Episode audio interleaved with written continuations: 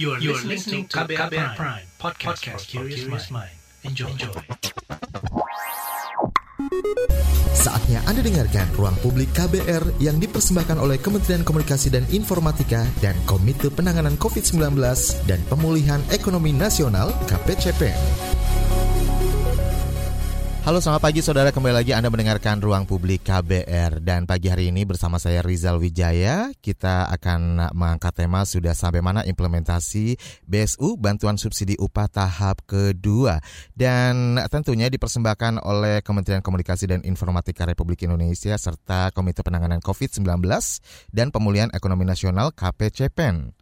Baik saudara, sektor ekonomi menjadi salah satu sektor yang paling terdampak akibat pandemi COVID-19.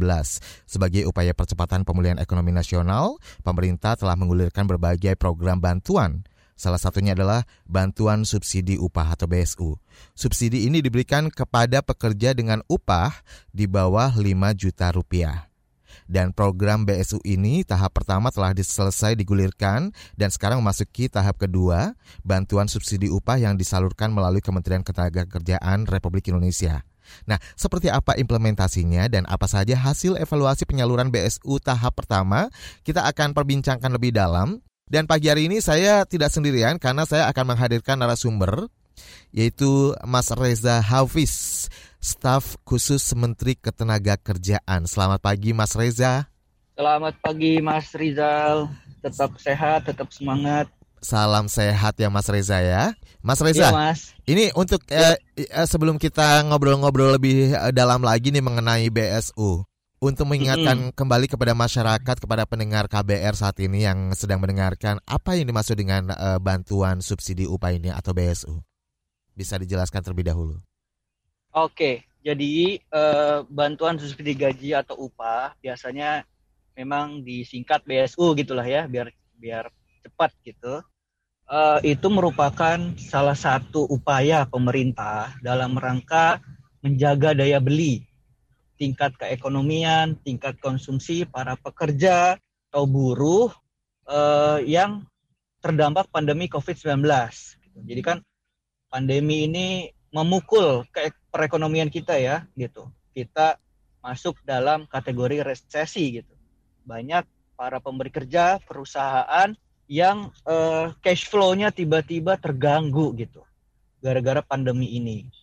Makanya uh, apa namanya? kita lihat di beberapa survei gitu ya termasuk dari BPS bahwa banyak banyak perusahaan itu yang merumahkan pekerjanya, bukan di PHK ya, dirumahkan. Nah, dirumahkan itu bisa dia di, di tetap dibayar full gitu ya. Dia bisa dibayar setengah dari upahnya atau dia tidak dibayar sama sekali. Gitu. Nah, ini akan berdampak pada kemampuan ekonomi para pekerja atau buruh dong di pandemi gitu. Nah, oleh sebab itu pemerintah memberikan uh, upaya memberi uh, ngasih kebijakan uh, subsidi gaji upah ini agar mereka tetap masih bisa berdaya keekonomiannya, menjaga tingkat konsumsi uh, untuk kebutuhan sehari-hari terpenuhi lah ya setidaknya seperti itu sehingga uh, apa namanya dari sisi konsumsi makronya pun juga bisa masih mendongkrak pertumbuhan ekonomi. Seperti baik. itu, baik. Mas Rizal. Baik, jadi tujuannya sudah sangat jelas sekali ya dari uh, program hmm. bantuan subsidi upah ini sebagai satu kebijakan, sebagai salah satu upaya di tengah pandemi ini yang sangat dibutuhkan oleh masyarakat. Baik, dan uh, tapi ngomong-ngomong nih siapa saja sih yang berhak atas uh, bantuan subsidi upah ini BSU? Dan seperti apa kriterianya nih, Mas? Oke, saya coba bacakan kriterianya ya okay. berdasarkan Permenaker 14 tahun 2020 itu sebagai payung hukum pelaksanaan BSU. Pertama, udah pasti WNI dong, warga negara Indonesia, ya kan? Yang dibuktikan dengan nomor induk KTP-nya, itu udah pasti. Yang kedua, terdaftar sebagai peserta aktif program jaminan sosial ketenagakerjaan BPJS ketenagakerjaan yang dibuktikan dengan nomor kepesertaan. Kenapa sih eh, BPJS? Karena dalam setiap kebijakan itu kan kita butuh yang namanya basis data ya. Hmm. Basis data untuk pengambilan keputusan kebijakan ini mau diberikan ke siapa. Kalau kita tidak punya basis data, mau kita kasih siapa gitu. Jadi tepat jadi tidak tepat sasaran kan. Okay. Makanya untuk itu ditentukan peserta BPJS dan karena BPJS itu punya data yang relatif lebih lengkap gitu. ya kan? Karena dia juga harus punya ini kriteria selanjutnya punya rekening bank yang aktif. Oke. Okay.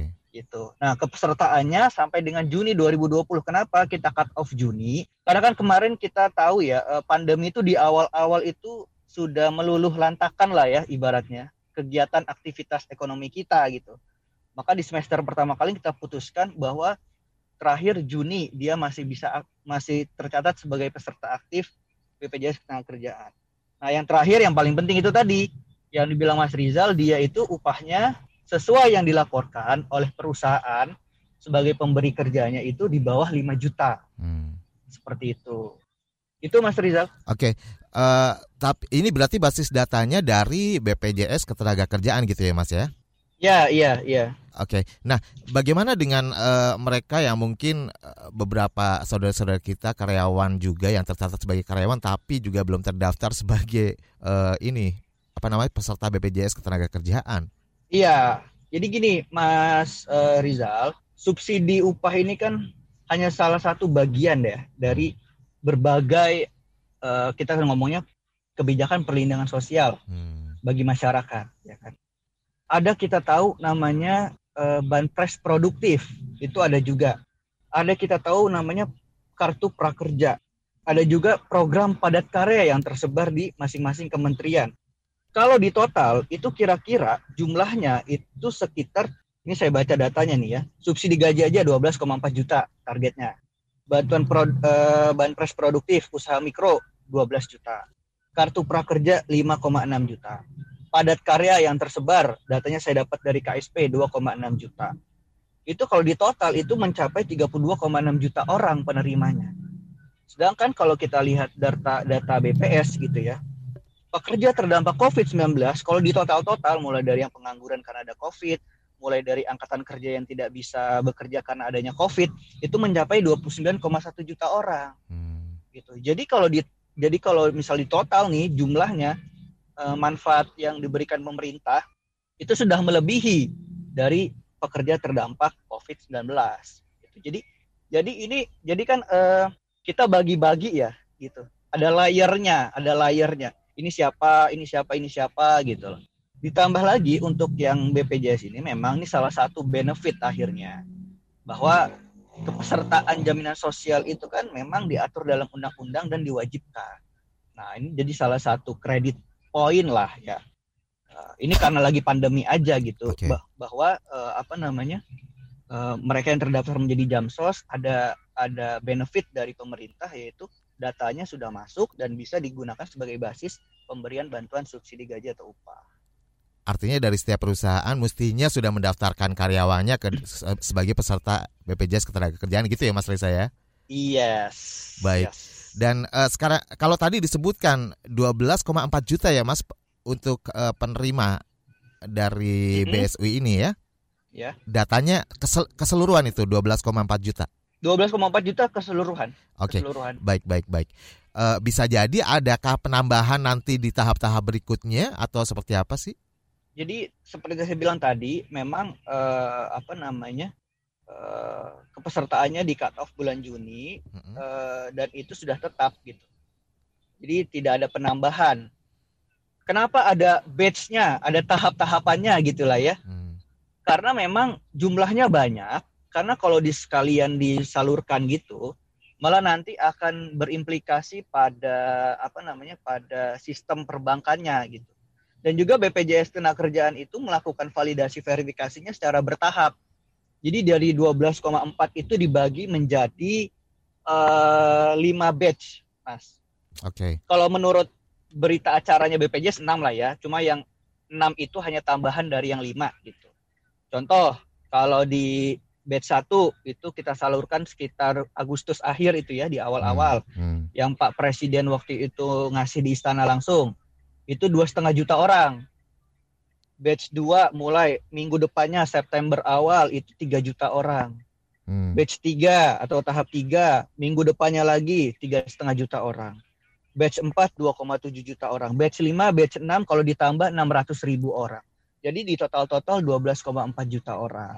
Oke, Mbak. Jadi ternyata uh, itu total dan dibagi-bagi sudah ya setiap batchnya ya. Ya. Baik. Itu termin pertama itu sudah sudah selesai. Oke. Termin pertama tuh apa sih? Enam itu kan karena kan manfaatnya 600 ribu per bulan. Oke. Ya kan, dibayarkan selama dua bulan sekali. Artinya satu kali transfer 1,2 juta.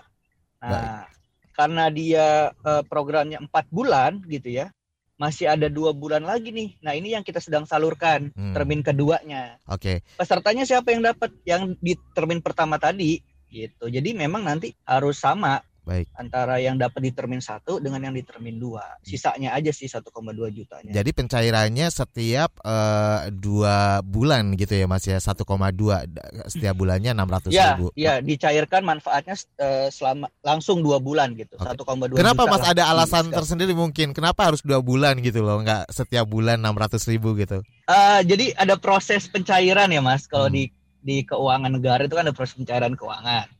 Jadi kalau kita transfer di ecer 600 ribu per bulan itu Hmm. itu nanti juga dikhawatirkan eh, apa namanya memperlambat gitu loh, memperlambat manfaatnya. Makanya sekaligus aja kemarin kan eh, konsepnya itu kita punya empat bulan tersisa ya di kuart di sisa kuartal 3 dan sisa kuartal 4 bagaimana agar masyarakat ini bisa cepat terbantu Hmm. gitu loh dan dari makro eh, apa namanya ada sumbangsi konsumsinya gitu biar cepat menaikkan pertumbuhan ekonomi makanya kita kasih dua bulan sekali Baik. Nah, total eh, anggaran yang disiapkan untuk BSU ini berapa sih Mas? Kemudian sumbernya dari mana nih? Oke, anggarannya itu untuk 12, juta 12,4 juta orang ya, itu ada eh, 29,7 triliun. 29,7 triliun. Eh, sekarang sudah terrealisasi 28 per 7 Desember ya. Hmm. Datanya terupdate per 2 per 20 per 7 Desember 28,1 triliun. Jadi ada 94,5 persen sudah Oke. Jadi se- realisasinya. setiap tahapannya eh, realisasinya sama atau eh, gimana pembagiannya? Apakah sama seperti ada pembagian seperti batch tadi yang dijelaskan? Ya, ya, ya. Kalau kalau batch 1 itu ya eh, apa namanya? eh, batch 1 di kita ngomongin termin 2 dulu eh, udah termin 2 ya karena kan sekarang Oke. udah proses termin 2 ya. ya, ya. Batch 1 itu udah 99,8 persen. Batch 2 itu udah 99,9 persen. Hmm. Batch 3 juga sama 99,9 persen. Batch 45 batch batch 45 juga 99 persen. Cuma batch 6 aja itu yang tambahan tadi masih 50 persen. Oke. Karena kan eh, kita baru cairkan minggu kemarin. Nah, kan ada proses transfer tuh ya. Hmm. Proses transfer dari bank penyalur, which is itu Bank Himbara yang empat itu, Mandiri, BTN, BRI, BNI, ke bank ke rekening penerima. Jadi langsung loh ditransfer ke rekening penerima. Rekening penerimanya apa pun, nggak cuma Bank Himbara aja, Hmm. bank swasta. Kurang lebih ada 104 bank kalau di total, Mas. Oke. 104 rekening ya bank rekening si penerima itu nah itu kan butuh waktu ya transfer antar rekening itu kan ada sistem clearingnya gitu nggak bisa dalam wak- satu waktu langsung gitu Oke. seperti itu mas Riza Baik. Ya, kita tahan dulu Mas Mas Reza, eh, kita akan jeda terlebih dahulu. Kita akan kembali setelah jeda berikut ini. Masih Anda dengarkan Ruang Publik KBR yang dipersembahkan oleh Kementerian Komunikasi dan Informatika dan Komite Penanganan COVID-19 dan Pemulihan Ekonomi Nasional KPCPN. Anda masih bersama saya Rizal Wijaya di Ruang Publik KBR dengan tema Sudah Sampai Mana Implementasi BSU Bantuan Subsidi Upah Tahap Kedua dan dipersembahkan oleh Kementerian Komunikasi dan Informatika Republik Indonesia serta Komite Penanganan COVID-19 dan Pemulihan Ekonomi Nasional KPCPEN dan tentunya saya bersama narasumber Mas Reza Hafiz, staf khusus Menteri Tenaga Kerja. Baik, dan saya akan eh, kembali ke Mas Hafiz sebelum eh, bacain beberapa WhatsApp yang sudah masuk ya.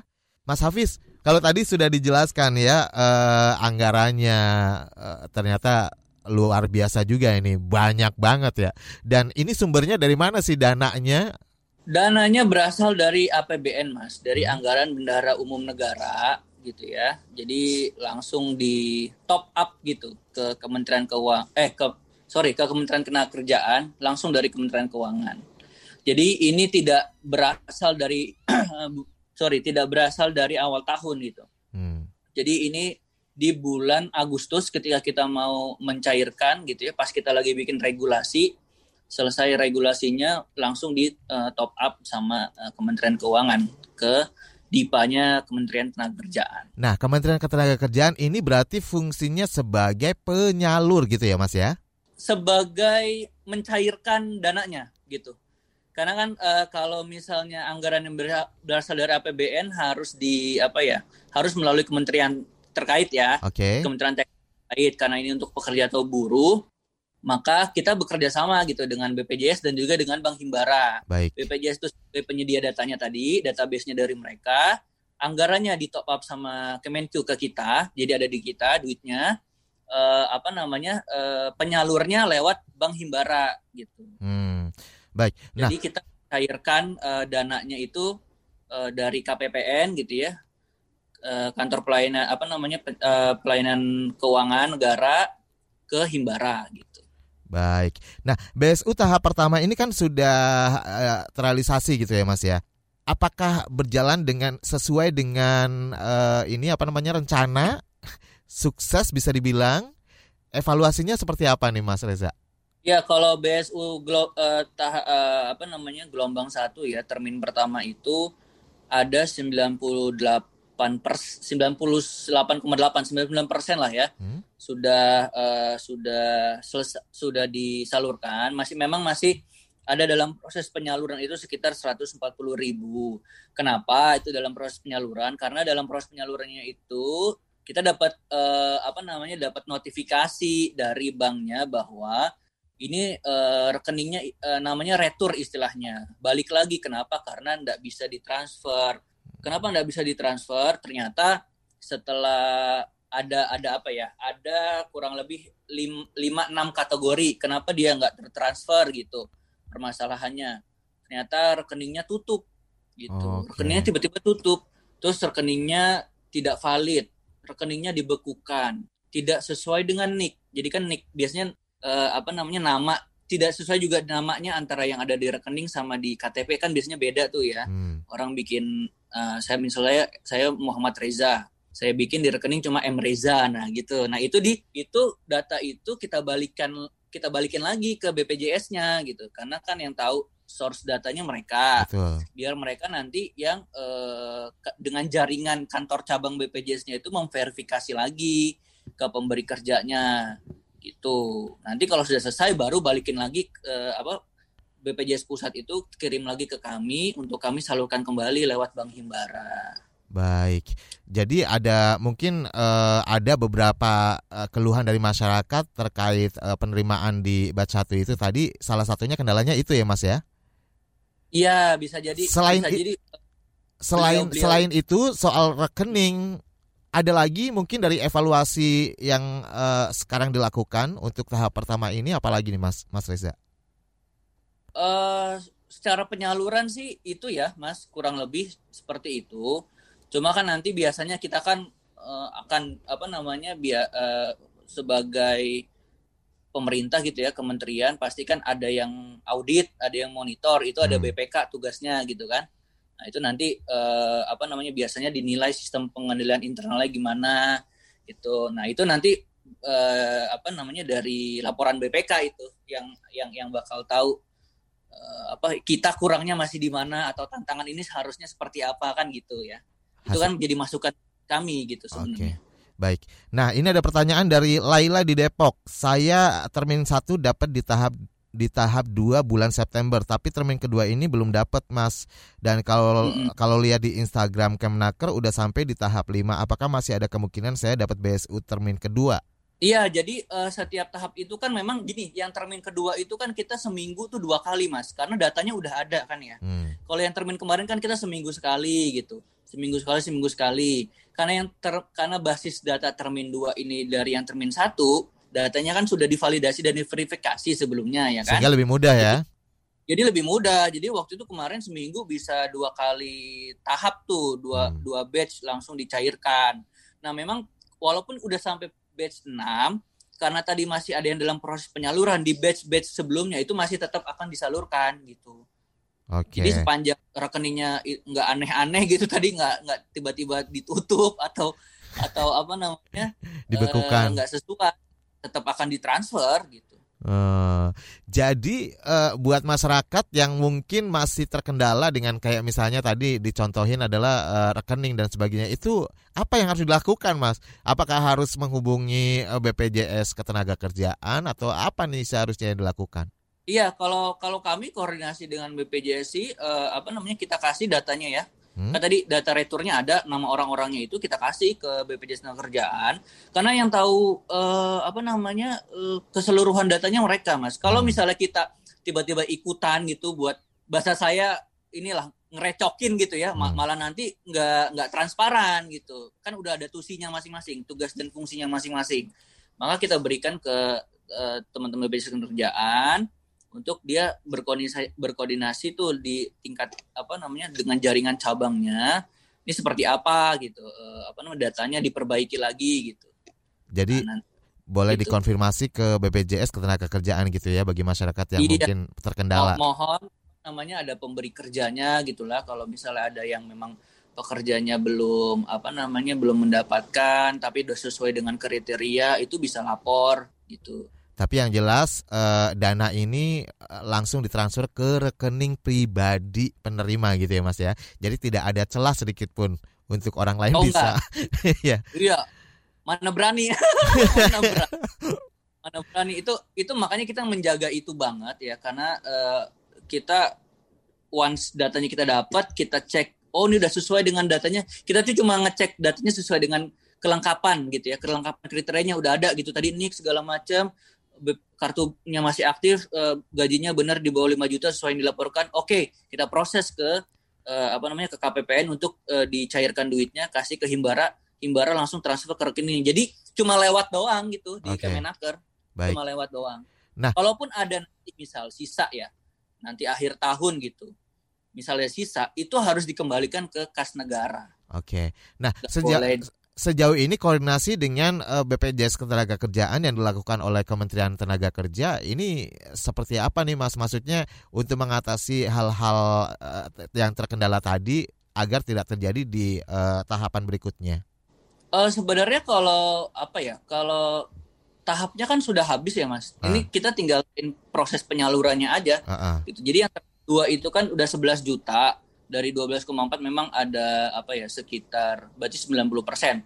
Nah itu sisanya kan masih dalam proses penyaluran, masih dalam proses penyaluran gitu yang tadi seperti saya bilang bahwa penyalurannya itu masih ber- bertahap dan setiap tahap itu kalau sudah masuk ke tahap selanjutnya itu tidak tidak menggugurkan tahap yang sebelumnya jadi masih terus berjalan gitu. Nah koordinasi kita itu terutama yang itu tadi yang masalah ada returnya itu kita sampaikan lagi ke mereka kita komunikasi kita lancar gitu ya komunikasi kita terus eh, kom- eh, apa namanya eh, diskusi kalau ada masalah dengan mereka dan juga bukan dengan BPJS aja sih dengan Himbara juga Mm-mm. karena kan eh, data yang tahu eh, udah tertransfer atau belum kan dari Himbara Oke. saya bisa ngomong data itu tadi setelah eh, bank Himbaranya sebagai bank penyalur itu kirim kirim laporan ke Kemenaker eh ini sudah loh si A si B si C udah tertransfer gitu itu masuk dari bagian 99% tadi itu segala macam Baik. Dan ada pertanyaan juga dari Vicky di Jogja. Alhamdulillah sudah dapat termin pertama dan termin kedua. Sangat membantu kami yang mengalami pemotongan gaji dari perusahaan. Terima kasih loh Kemnaker, terima kasih pemerintah. Alhamdulillah Terima kasih Mas Reza. bantu semoga bisa dibelanjakan produk-produk lokal itu kan jadi uangnya muter lagi di lokal kita ya Mas bantu UMKM UMKM kita juga gitu Baik, ya kita tahan lagi, jeda lagi dan Mas Reza jangan ke mana-mana, kita masih harus ngobrol lebih banyak lagi ya soal tema kita hari ini BSU Bantuan Subsidi Upah. Kita akan kembali setelah jeda berikut ini. Masih Anda dengarkan Ruang Publik KBR yang dipersembahkan oleh Kementerian Komunikasi dan Informatika dan Komite Penanganan COVID-19 dan Pemulihan Ekonomi Nasional KPCPN. Hingga saat ini Anda masih mendengarkan Ruang Publik KBR bersama saya Rizal Wijaya yang dipersembahkan oleh Kementerian Komunikasi dan Informatika Republik Indonesia serta Komite Penanganan COVID-19 dan Pemulihan Ekonomi Nasional KPCPEN. Kita masih membahas sudah sampai mana implementasi bantuan subsidi upah atau BSU tahap kedua ini. Kita akan kembali terhubung dengan Mas Reza Hafiz, staf khusus Menteri Ketenagakerjaan ya. Baik, sebelum kita eh, ngobrol-ngobrol uh, lagi dengan Mas Reza, kita sudah terhubung dengan salah satu penelpon. Selamat pagi Mbak Wati di Depok. Iya, selamat pagi Mas Rizal dan Pak Reza. Oke, Mbak Wati, boleh ya. nanya dulu Mbak Wati ini karyawan atau ibu ya, rumah tangga saya, biasa? Saya uh, karyawan kerja. Oke. Okay. Terus ya memang gaji saya di bawah 5 juta per bulan, makanya saya juga sebagai penerima BSU ini. Hmm. Iya. Jadi gini, saya mau tanya ini kan uh, kita masih menunggu-nunggu juga ya pencairan yang tahap kedua itu sampai kapan kira-kira akan uh, waktu tahap kedua ini targetnya sampai kapan akan diselesaikan semuanya? Ya. Ini saya juga merasakan karena waktu pertama dapat BSU itu sangat membantu juga untuk keadaan ekonomi keluarga saya gitu ya di hmm. tengah masa pandemi ini gitu. Dan uh, kita kan juga nggak tahu ya pandemi ini akan sampai kapan, tapi uh, harapannya juga akan segera, segera selesai. Saya ada baca pernah baca ini ya Pak di uh, berita itu kalau ternyata dana bantuan yang sudah dianggarkan itu tidak semuanya itu di apa disalurkan gitu Pak karena masih ternyata banyak sisanya dari dana sekian triliun itu masih banyak sisanya gitu masih ada yang uh, tidak tersalurkan semua gitu. Nah, ini sisanya apakah nanti akan di tahun 2021 juga akan ada semacam ini juga bantuan untuk uh, para pekerja yang kita okay. kan juga tidak tahu pandemi kapan berakhir. Iya, semoga sih nanti habis duhur ya berakhir ya. Jangan lama-lama kalau bisa ya kan. Baik. Iya, habis jumatan. Iya, Mbak Wati. Iya. Boleh nanya dong, Mbak Wati, uh, selama ini mendapatkan BSU ini uangnya untuk apa nih Mbak Wati? Ya untuk keperluan rumah tangga sehari-hari ya Pak ya. Kepo saya. Iya. Udah, maka, makasih ya Mbak Wati ya. Iya. Oke, bisa langsung ditanggapi Mas Reza. Silakan. Oke, uh, pertama uh, terima kasih Bu Wati, semoga bermanfaat. Uh, untuk yang be, uh, termin keduanya, kalau sudah dapat di termin pertama, insya Allah nanti akan tetap disalurkan gitu.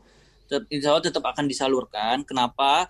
Karena ya basis datanya itu gitu dan dan memang haknya adalah apa namanya di peraturan juga kita atur uh, bagi penerima BSU itu yang datanya sudah sesuai dengan kriteria 600 ribu itu per bulan selama empat bulan gitu dibagi dalam uh, apa namanya uh, dibagi dalam uh, dua kali pembayaran itu ya makanya termin satu termin dua gitu. Artinya Mas Reza kalau kan, kalau ada yang belum terrealisasikan atau belum ditransfer belum menerima artinya harap bersabar aja dulu ya karena masih ya, dalam ya, proses. uh, memang sampai akhir tahun kalau kita da, kalau kita sudah cairkan itu nanti akan terus uh, uh, proses transfer dari bank himbaranya ke rekening bapak ibu semua teman-teman semua itu uh, tetap akan berlangsung gitu kayak gitu.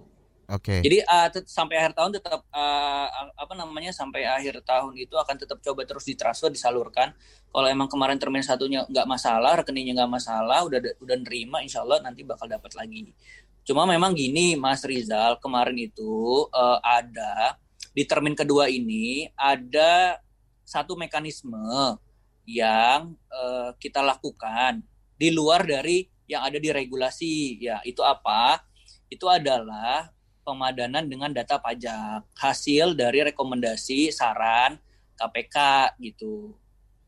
Saran dari KPK bahwa untuk uh, kan kita pengen uh, apa namanya itu pengen tepat sasaran kan hmm. gitu. Pengen tepat sasaran maka uh, disarankan untuk memadankan data dengan pajak. Nah kita kita bersama BPJS koordinasi uh, mengirimkan data ke uh, Dirjen Pajak itu untuk di untuk dites sebenarnya benar nggak sih uh, gajinya itu di bawah 5 juta.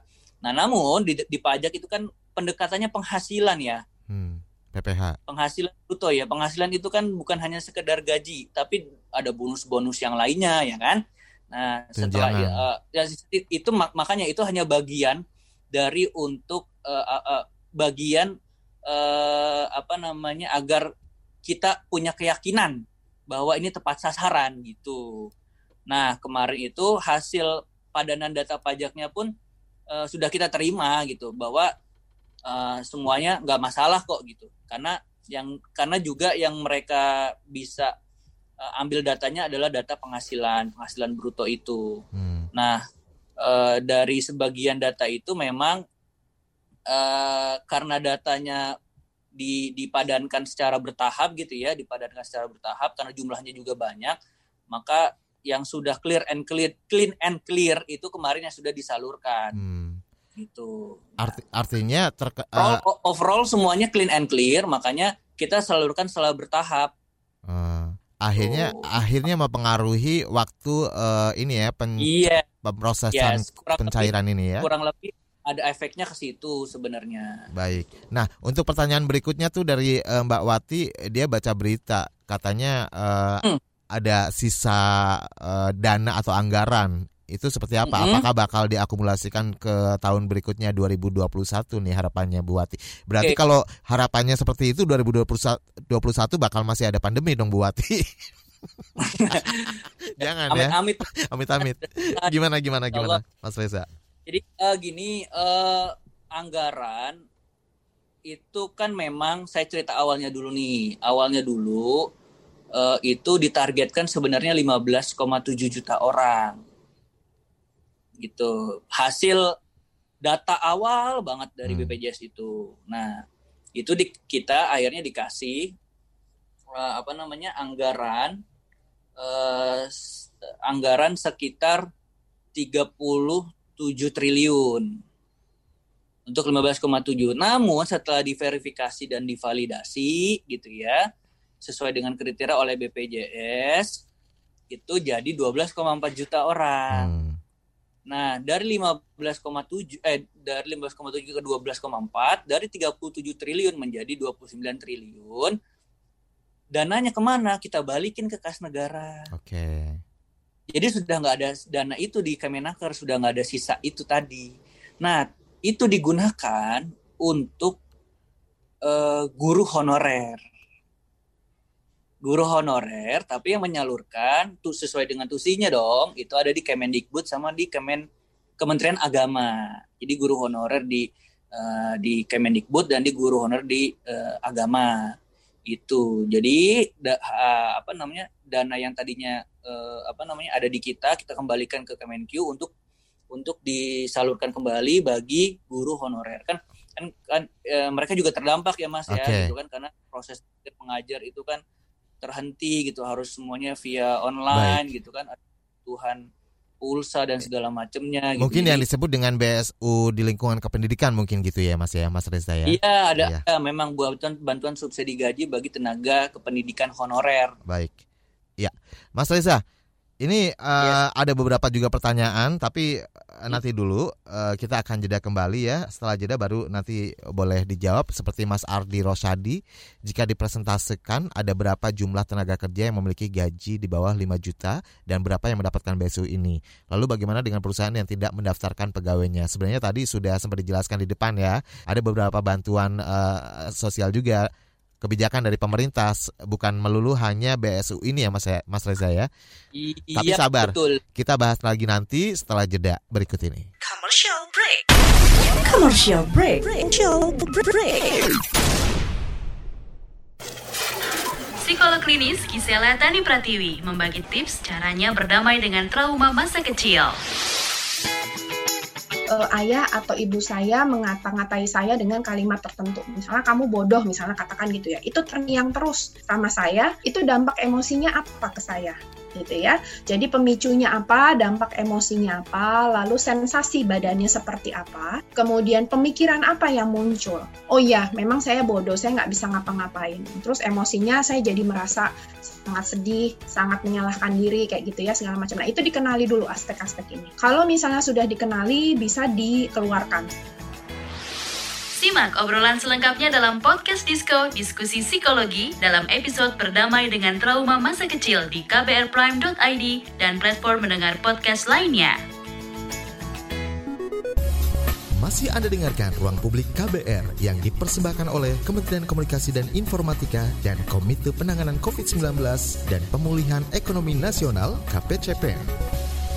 Inilah bagian akhir ruang publik KBR pagi hari ini bersama saya Rizal Wijaya dengan tema sudah sampai mana implementasi bantuan subsidi upah tahap kedua dan dipersembahkan oleh Kementerian Komunikasi dan Informatika Republik Indonesia serta Komite Penanganan COVID-19 dan Pemulihan Ekonomi Nasional KPCPEN dan masih bersama Mas Reza Hafiz, staf khusus Menteri Ketenagakerjaan. Baik, Mas Reza, ini ada pertanyaan melalui live chat YouTube tadi sebelum jeda ya dari Mas Ardi. Ya. Jika dipresentasikan ada berapa jumlah tenaga kerja yang memiliki gaji di bawah 5 juta dan berapa yang mendapatkan BSU ini?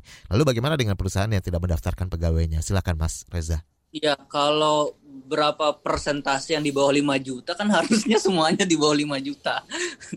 kalau nggak ada yang 5 juta ya nggak boleh, nggak boleh. Eh kalau nggak ada yang kalau ada yang 5 juta ke atas itu kan nggak bisa karena kriterianya itu kan uh, apa namanya Salah satunya uh, 5 itu. juta ya di bawah 5 juta gitu 5 juta ke bawah tapi kalau coba kita lihat rata-rata gaji deh rata-rata gaji nih saya ambil contoh aja di DKI gitu ya yang paling banyak nih ini ini uh, ini bukan per, provi, per provinsi itu diproksi dari kantor wilayah BPJS-nya ya hmm. gitu ya uh, penerima penerima BSU-nya DKI Jakarta itu rata-rata gajinya itu 3,7 juta rupiah di bawah UMR.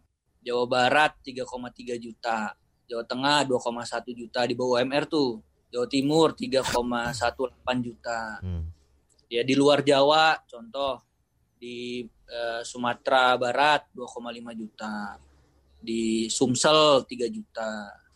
Di Aceh 2,49 juta gitu. Daerah Timur contohnya di Sulawesi Utara 2,5 juta. Hmm. Gorontalo ini rata-rata gaji ya 2,5 juta. Oke, Mas. Sulawesi Barat 2 juta. Jadi Baik. Memang di bawah 5 juta gitu, Mas. Dan Kalau menjadi di, syarat utama itu ya? Iya, iya, memang harus itu. Nah, lalu bagaimana dengan perusahaan yang tidak mendaftarkan pegawainya?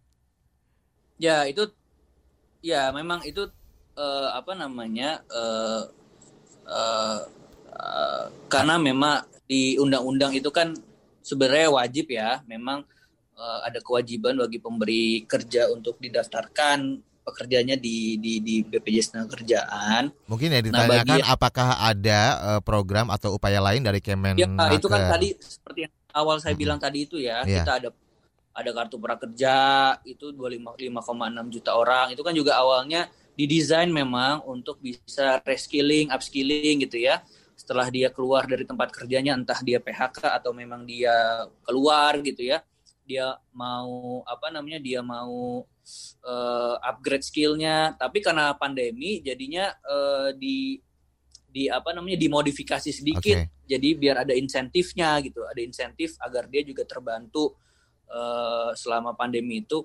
Konsumsinya daya belinya masih bisa uh, digunakan gitu. Baik. Mas lain dapat pelatihan skills. Ya, Mas Reza, yes. ini kan hmm. uh, demi memastikan bahwa uh, realisasi dari setiap BSU ini tersalurkan dengan baik, dengan benar, sesuai uh, sasaran, tepat sasaran. Ini butuh pengawasan dong pasti. Nah, dari uh, Kemenaker, apa nih yang sudah diupayakan terkait pengawasan ini? Sistemnya seperti apa? Kerjasama dengan siapa saja? Pihak mana saja?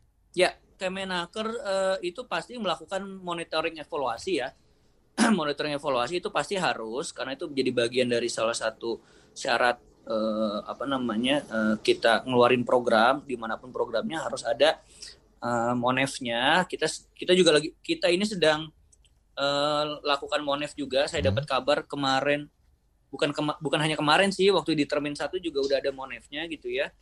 Eh, ini juga lagi monef lagi yang termin kedua. Terus juga kita pasti uh, di audit dimonitor oleh BPK sama BPKP gitu kan uh, untuk progresnya seperti apa uh, apa namanya pelaksananya seperti apa kita juga tadi yang saya bilang kita juga sudah kurang lebih lima kali ya diskusi dengan uh, eh, KPK gitu untuk memastikan agar program ini memang tersalurkan sesuai dengan regulasinya gitu. Oke, okay. baik. Dan Apakah termasuk ada pemantauan langsung turun di lapangan gitu Mas dari Kemenaker sendiri dilakukan? Kalau, ya turun Monef itu Monef itu memang turun lapangan mm -hmm. gitu. Selain kita kan juga ada BPKP yang turun lapangan, BPK kan juga turun lapangan. Uji mm -hmm. uji uji petik ya mm -hmm. di satu Ibu Menteri pun uh, dalam beberapa kesempatan kunjungan wilayah gitu, uh, kunjungan ke daerah-daerah kemarin ya gitu, hmm? uh, menyempatkan untuk bertemu dengan si penerima BSU. Oke. Okay. Gitu. Saya beberapa beberapa kali punya kesempatan juga dampingi beliau dan memang melihat betul uh, bahwa uh, penerima BSU itu sesuai dengan kriteria gitu. Kayak tadi apa uh, Ibu Wati gitu ya. Hmm. Memang kebanyakan juga mereka merasa, merasakan betul manfaatnya untuk kebutuhan sehari-hari gitu. buat nambelin kontrakan, ada yang buat bayar sekolah gitu ya. Hmm. Alhamdulillah. Baik. Nah, uh, Mas, Mas Reza, ini yes. uh, apa dari beberapa penerima nih yang mengalami kendala? Adakah disediakan call center dari Kemenaker untuk mereka yang mau mungkin apa namanya memberikan menyampaikan keluhannya? Ada, ada di di apa namanya di ada ada namanya ada sistem pengaduan di apa namanya di Kemenaker itu buka sistem pengaduan di BPJS di BPJS juga kalau nggak salah buka sistem pengaduan ya.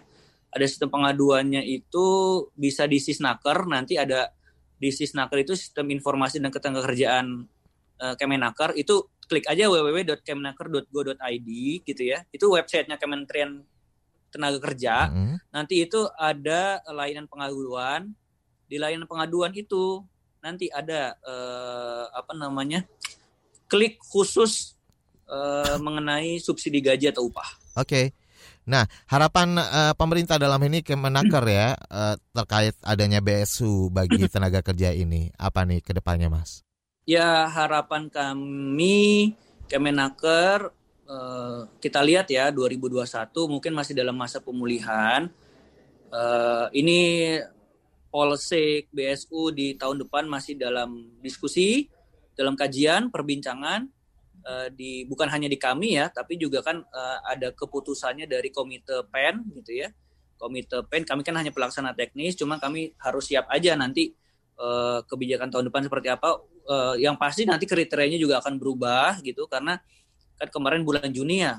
Dari bulan Juni ke Desember kan pasti ada dinamika tuh. Hmm. kan nggak bisa kita statis di situ saja gitu. Nah harapan kami memang masih bisa terus berlanjut namun memang ini masih butuh kajian gitu masih butuh diskusi dievaluasi uh, evaluasi dari yang tahun ini bagaimana tahun depan proyeksinya seperti apa ekonomi di tahun depan gitu bagaimana dunia usaha di tahun depan itu semua jadi variabel-variabel uh, pertimbangan untuk memberikan BSU di tahun depan. Harapan kami sih mm, uh, yang BSU 2020 ini para penerima itu bisa memanfaatkan sebaik mungkin untuk bisa memenuhi kebutuhannya, Baik. beli barang-barang produk lokal UMKM biar uh, apa namanya duitnya itu berputar di kita kita juga gitu. Ya. Jadi saling bantu satu Terima Dan kasih. masyarakat juga pasti menunggu transparansi semuanya dari pemerintah gitu ya supaya uh, jelas. Baik dan saya Rizal Wijaya juga mengucapkan terima kasih atas kehadirannya buat Mas Reza yang sudah ngobrol ngobrol-ngobrol banyak soal BSU ini pagi hari ini. Terima kasih Mas Reza. Terima kasih juga Mas Rizal. Ya, terima kasih juga untuk Anda yang sudah mendengarkan Ruang Publik KBR. Saya Rizal Wijaya. Terima kasih. Salam. Baru saja Anda dengarkan Ruang Publik KBR yang dipersembahkan oleh Kementerian Komunikasi dan Informatika dan Komite Penanganan COVID-19 dan Pemulihan Ekonomi Nasional KPCPN. KBR Prime, cara asik mendengar berita. KBR Prime, podcast for curious mind.